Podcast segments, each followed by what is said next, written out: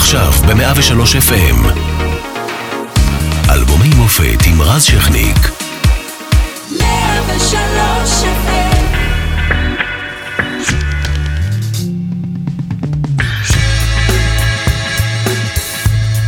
1969 הייתה שנה באמת יוצאת דופן, האדם הראשון נוחת על הירח, ניל ארמסטרונג. צעד, אה, כן, צעד גדול לאדם. פסטיבל וודסטוק המיתולוגי מתקיים בניו יורק, לד זפלין מוציאה אלבום ראשון.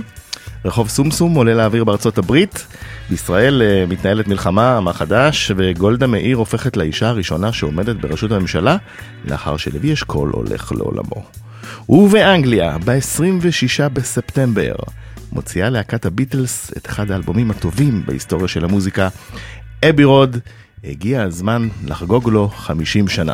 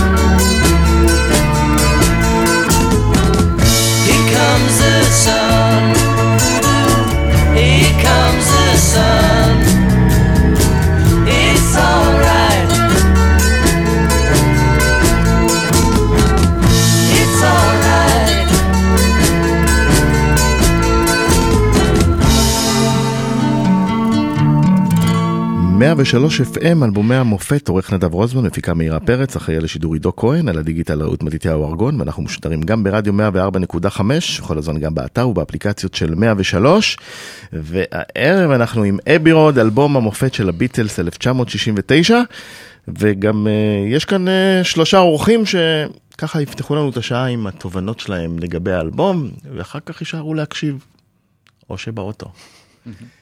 שחר אבן צור, יהלי סובול, פיטר רוט, מוניקה סקס. מה זה Abbey Road בשבילכם? Abbey Road בשבילי זה התנ"ך. זה התנ"ך פיטר. של המוזיקה, זה פשוט מושלם. זה בעצם האלבום האחרון שהם הקליטו, ויש שם איזשהו קליימקס של כולם יחד, אני חושב. זה סאונד הכי טוב, מנגנים הכי טוב, שירים אחד-אחד. אה, שלמות, שלמות, שלמות. נראה לי. אני חושב שבשבילי זה אולי פיטר אמר תנ"ך, אני הייתי אומר ספר לימוד. כי אוקיי. אני פשוט זוכר שאתה יודע, באמת בגיל ככה 12-13, הייתי יושב עם, עם הספר של התווים של הביטלס, והייתי מנסה לנגן ולשיר את השירים האלה, וזה... אה, היו שם כמה דברים מאוד קשים לביצוע, שהיה צריך לחזור עליהם עוד פעם ועוד פעם ועוד פעם. אה, נגיד באמת יש את המחרוזת הזאת בצד ב' שהיא נמשכת 16 דקות, אני חושב, שמתחילה ב-You never give me your money. אה, ואני זוכר שניסיתי לעשות את הדבר הזה, להגיע עד the end, וכאילו הגעתי שם בזחילה כל פעם עם מלא זיופים וטעויות, אבל אה, כן, יש באלבום הזה משהו שהוא יכול להיות אה, מין textbook, מין ספר לימוד לכל songwriter, כי הוא נורא מגוון, יש בו כל מיני סגנונות, יש לו מחוות ל-50's, יש לו אה, מחוות למיוזיקלס, יש שם מחוות לכל מיני אה, סגנונות מוזיקליים, גם לרוק יותר כבד שהגיע אחרי זה, שזה קצת בישר אותו באיזושהי צורה גם כן. אז אה, אה, אני חושב שלסונגרייטר, יש, לכותב שירים, יש פה גיוון אדיר ללמוד ממנו. שחר? איך הטיפוף? אה, תכף נגיע. יש שני דברים. בעיר גם זה סאן? הדבר הראשון אה, באמת בכללי אה, על הביטלס, אז זה באמת מין איזה היכולת של הלהקה הזו ביחד ליצור באמת את כל הדבר הזה שאנחנו חיים, את התעשייה הזו, מהמקום היצירתי, זאת אומרת, אם זה קליפים, אם זה... כל המוח היצירתי של החבורה הזו בעצם יצר תעשייה שלמה שבאה אחריה ועד היום היא כאילו אולטרה אולטרה.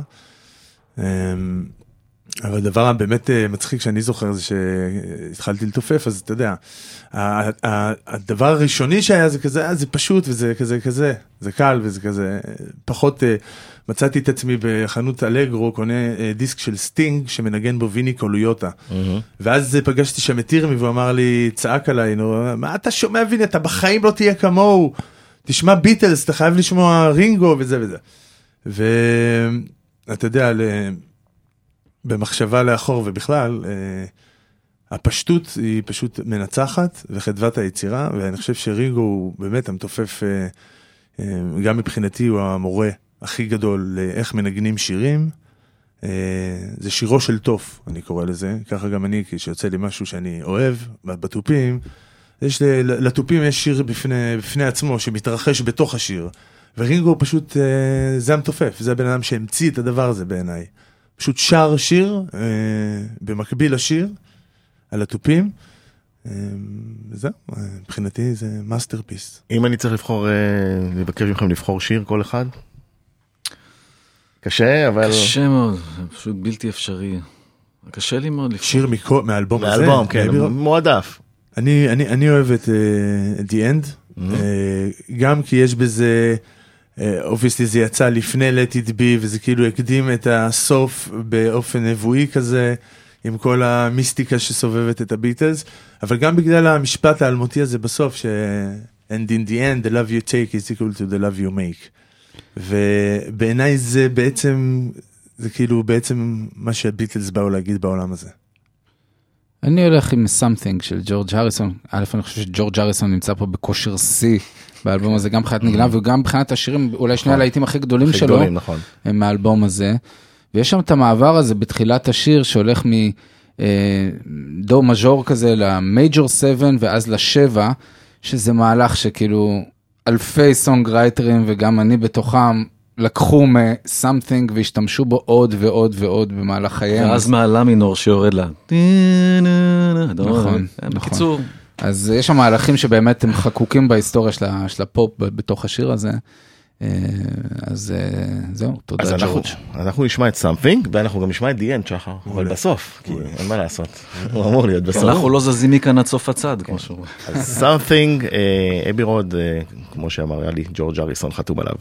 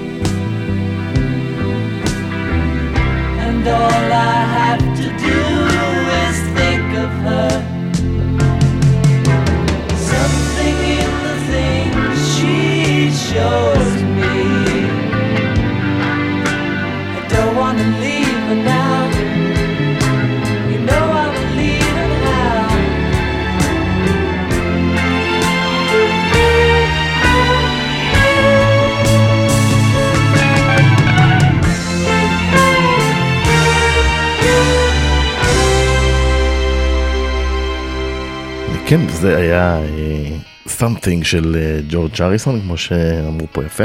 אה, אחד השירים היותר מיוחדים של אה, אבי רוד, אה, שגם זכה יותר מאוחר אה, לגרסת הקפלה, היה השיר הבא. Because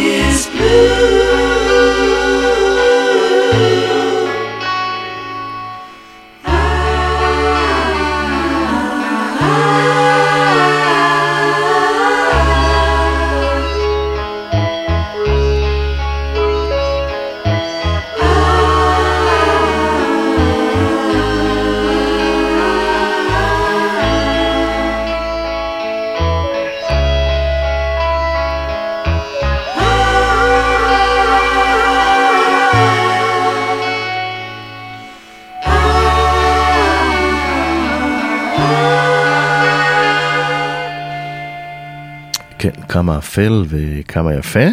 אה, ביטלס, אה, בעצם אה, מי שמייצג אותם, מוציא מארז מאוד מאוד חגיגי, אה, 50 שנה לאלבום אבירות, ובעצם גייל מרטין, הבן של ג'ורג' מרטין המיתולוגי, עשה גם כמה רימיקסים. אחד מהם הוא עשה ללהיט הנצחי הבא, שכרגע אנחנו נשמע אותם במקור, אבל תחפשו אותו, מאוד מאוד שווה. הו דארלינג.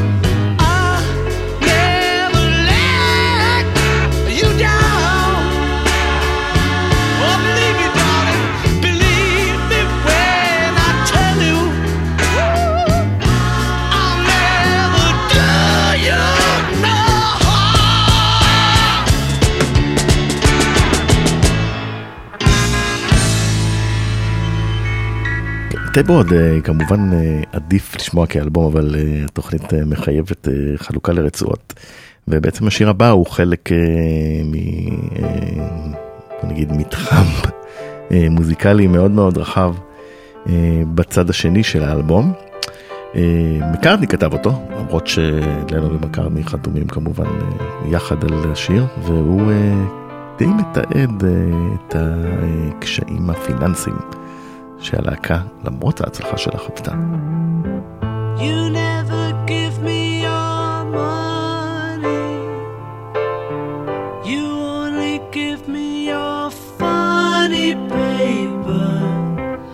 And in the middle of you break down. I never give you my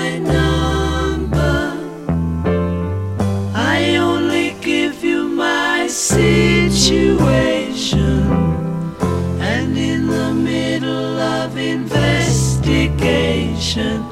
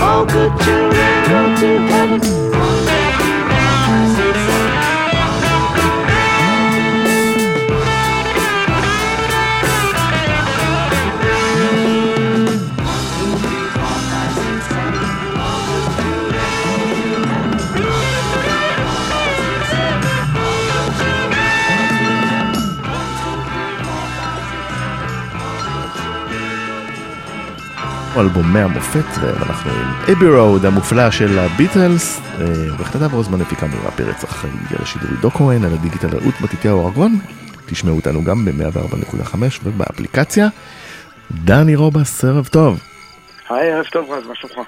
בסדר גמור, ביטלסיולוג אה, ידוע וגדל על להקה. ביטלסולוג זה נשמע כמו טוקסיקולוג, נכון? זה כזה מין מקצוע, כאילו. כן, כן, למה זה? צריך ללמד לדעתי את הביטלס באקדמיה. יש גם כאלה שמלמדים אותם כבר. אני מסכים. אה, ואנחנו גם מתכנסים פה אה, רדיופונית לחגיגות החמישים ל Abbey Road. אה, קצת ככה, ספר לנו מה האלבום הזה הוא בשבילך. קודם כל, לטעמי זה האלבום הכי מוצלח של הביטלס. אני כל יום אומר אלבום אחר כמובן, אבל אני חושב שספציפית באמת זה האלבום הכי מגובש שלהם. זה האלבום האחרון שהם הקליטו, הדבר האחרון שהם הקליטו, למרות ש-Let It Be יצא אחרי, אבל הוקלט הרבה לפני והיה מלא מריבות סביבו. זה האלבום הרשמי האחרון שהם הקליטו אחרי איזה שנה של מריבות מאוד גדולות ביניהם. ואז הם התאספו באולפן כדי להוכיח את, את מה שאני כל כך אוהב להגיד תמיד, שמוזיקה מצליחה לגשר על הרבה פערים ולעשות המון המון דברים שבני אדם מתקשים לעשות אחד עם השני ביום יום, כשהם שרים יחד, מנגנים ביחד, הם מצליחים. אז לנון ומקארטני והריסון בעיקר, שהיה ריבים נורא גדולים ביניהם בתקופה ההיא, גם כלכליים וגם אה, מוזיקליים וגם ויכוחי אגו וכאלה, נכנסו לאולפן והקסם עבד, הכל עבד וכל שיר יושב במקום שלו כמו פנינה. יש את ההבדלים הגדולים כבר ביניהם, בין אחד לשני, שומעים את ההבדלים המוזיקליים הגדולים ביניהם, אבל משהו בקסם של הלהקה עובד בצורה פשוט מופלאה באלבום הזה. זה אלבום מדהים בעיניי.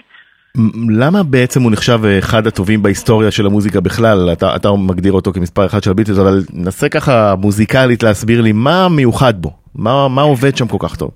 מעבר לקסם שזה ברור, הכימיה בין החברי להקה שארבעתם גאונים. קודם כל יש שירים פשוט פנטסטיים, שירים פנומנליים שם, אחד אחד. אה, כל אחד הגיע לשיא היכולת שלו באלבום הזה. ג'ורג' אריסון, שכתב כמה שירים נורא יפים לפני זה, לא היה. זאת אומרת, לא ניתן לו כמעט מקום בלהקה, פתאום הביא את Here Comes the Sun, והביא את Something, שזה שניים מהשירים אולי היפים של הביטלס. ומקארטני בביצועים פנומנליים, אתה יודע, בין Oh Darling, והמחרוזות המיוחדות שלו, השונות נורא אחת מהשנייה. ולנון בשיא הטירוף שלו ובשיא תשוקת האהבה שלו והאובססיה עם I want you ועם Because הנהדר, זה פשוט משהו שכל אחד מהם הגיע פשוט לפיק שלו ביחד בנקודה הספציפית הזאתי, והכל עבד אחד עם השני.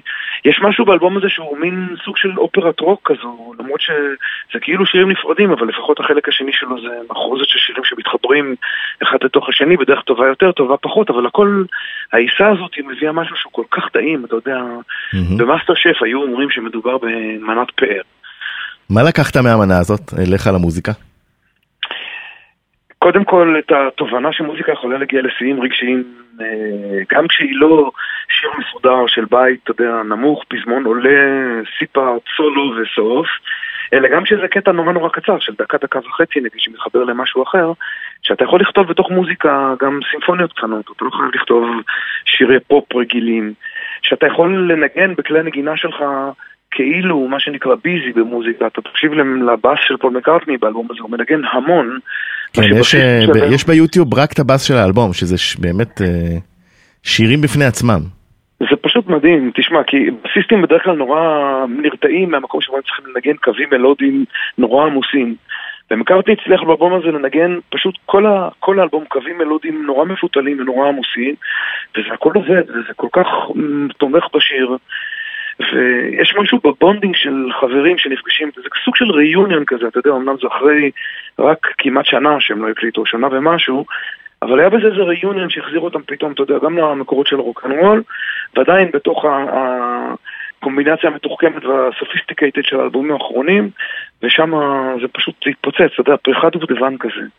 זה משהו יוצא דופן האלבום הזה, אני שומע אותו עד היום, וגם הסאונד שלו. סאונד מדהים. עכשיו, כן, תשמע, יש עכשיו מיקסים חדשים של ג'יילס מרטין, נכון. אני כתבנו בעניין הזה, גם בעניין של המיקס כן, של נכון. Oh Darling ששלחת לי, ואני פשוט קפצתי באוטו כמו משוגע.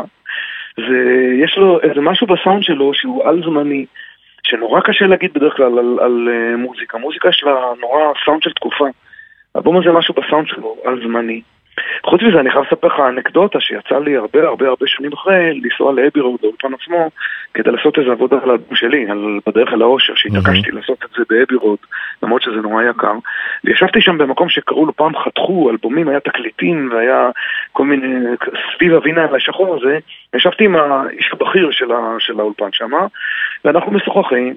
והוא אומר לי כל מיני דברים על השירים, ואני שואל אותו כמה שנים הוא עובד פה, אז הוא אומר לי המון המון שנים. אני שואל אותו, מה, מה הדבר האחרון שעשית פה? אז הוא אומר, הקלטתי את Abbey Road של הביטלס. וואו. אמרתי לו, מה? אז מתברר שזה ג'ף אמריק, הטכנאי שהקליט את כל האלבומים האחרונים שלהם, שהוא גאון מוזיקלי בעולם הטכנאות וסאונד, הוא עכשיו האורים והתומים, והוא ישב, אתה יודע, מולי ושוחחנו כאדם אל, כאדם אל אדם, אתה יודע, זה כאילו קצת מצחיק, אבל אני עדיין, בכל מקום שאני מגיע למקומות כאלה כמו ביטלס ויצירות מופת כאלה, אני נהיה מחדש הילד מרחובות, אתה יודע, ששומע בין הרמקולים. הקטנים שלו, ברור. כן, כן, כולנו נהיים מחדש אותם ילדים מתלהבים. זה נורא יפה, אני ממש מקווה שהמוזיקה עושה איזה סיבוב שיחזור לשם. אה, אנחנו הולכים לשמוע את השיר הפותח של האלבום, את Come Together, אה, משהו עליו, על השיר הזה? לנון זה- כמובן אה, בפרונט שם. כן, היה משפט סביב השיר הזה, כי צ'אק ברי תבע את לנון על, ארבעת, על המשפט הראשון, Here comes all fat up, כי זה שלנון שר, שזה לקוח בעצם משיר של צ'אק ברי, Mhm. אבל זה לא היה משפט באמת, הם היו חברים טובים וכאילו זה היה סתם בשביל קצת יחסי ציבור, ומה שסוכם זה שהם יעשו הופעה משותפת ביחד, מה שלא יצא לפועל בסופו. של דבר, אבל זה שיר שוב, זה- הוא מלא כל מיני ביטויים סתומים לנוניים כאלה, שנורא נורא אה, כזה מציתים את המחשבה, אני חושב למה הוא מתכוון. והביצוע כרגע, תשמע את הליין, הליין הבא של פול מקארטני, זה הגיטרות הנהדרות של ג'וז אריסון. מופת, תשמע, יש דברים שהם יצירת מופת, אי אפשר, אי אפשר לעמוד מולה. דני רובס, אה, המון המון תודה. תודה רבה לך, אז- אז האזנה נעימה. Come together.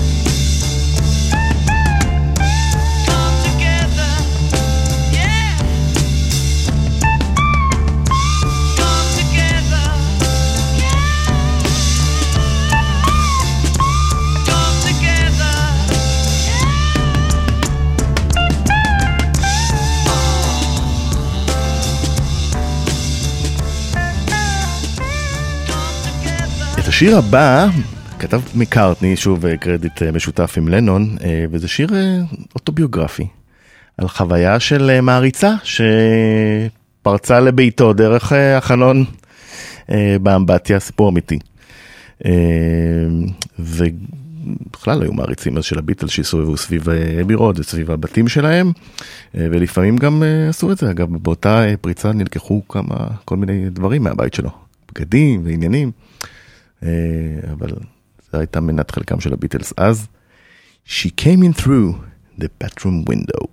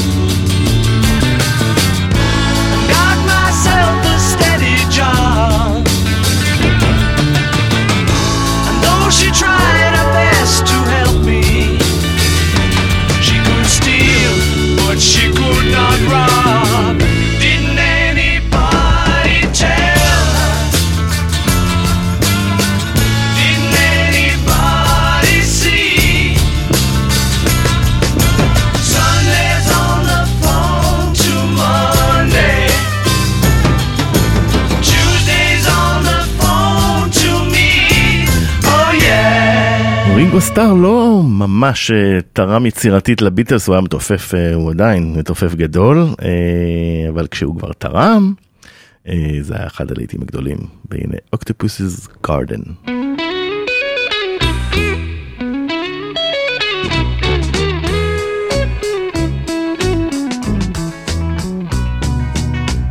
I'd like to be under the sea in an octopus's garden in the shade.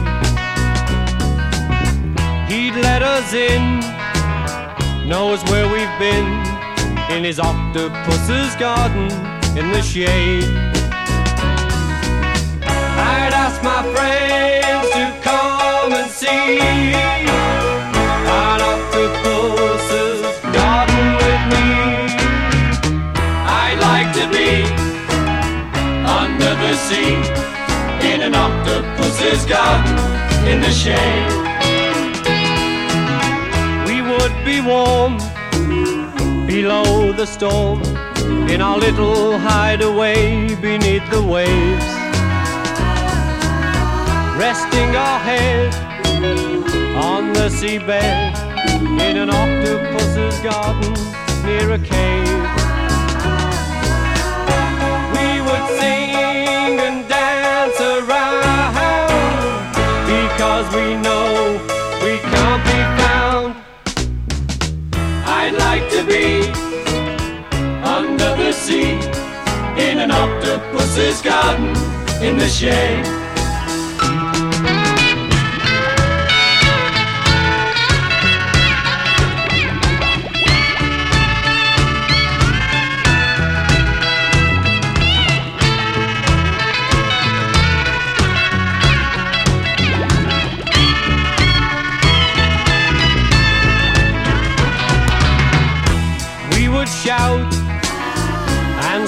About the coral that lies beneath the waves. Oh, what joy for every girl and boy, knowing they're happy and they're safe. We would be so happy, you and me. No one there to tell us what to do. I'd like to be under the sea in an octopus's garden with you. In an octopus's garden with you. In an octopus's garden with you. שני השירים הבאים, גולדן סלמברס וקרי דאט ווייט, הוקלטו יחד. Golden Slumbers הוא למעשה שיר ערש, לא היו הרבה שירי ערש אה, לביטלס, אה, למעשה אה, שיר אה, שמבוסס על אה, פואמה משנת 1603 של תומאס דקר, אה, והוא מתחבר מאוד מאוד אה, יפה אחר כך ל Carry That Weight, אנחנו נשמע כמובן את שניהם ביחד. Once there was a way to get back homeward.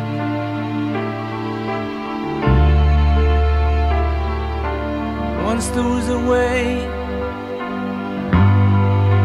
get back home. Sleep, pretty darling, do not cry. And I will sing a lullaby. Golden slumbers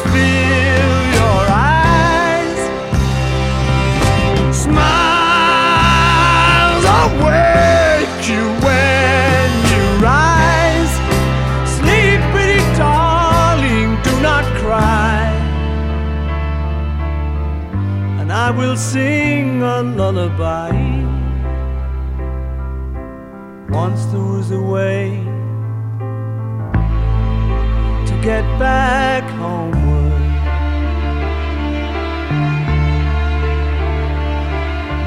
Once there was a way to get back home. Sleep, pretty darling,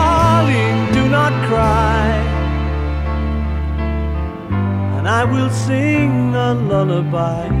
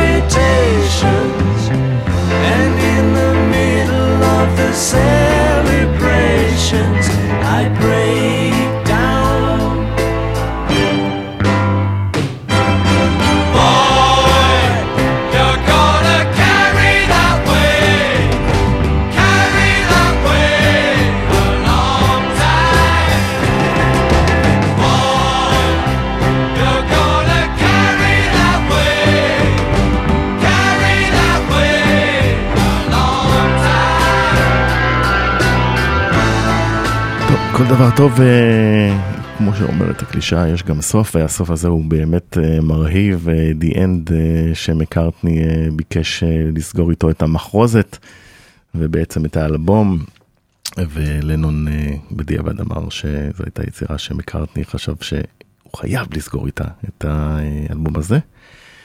וכמובן כולל את השורה הבלתי נשכחת כמו שאמר קודם שחר אבן צור and in the end the love you take is equal to the love you make. The Beatles.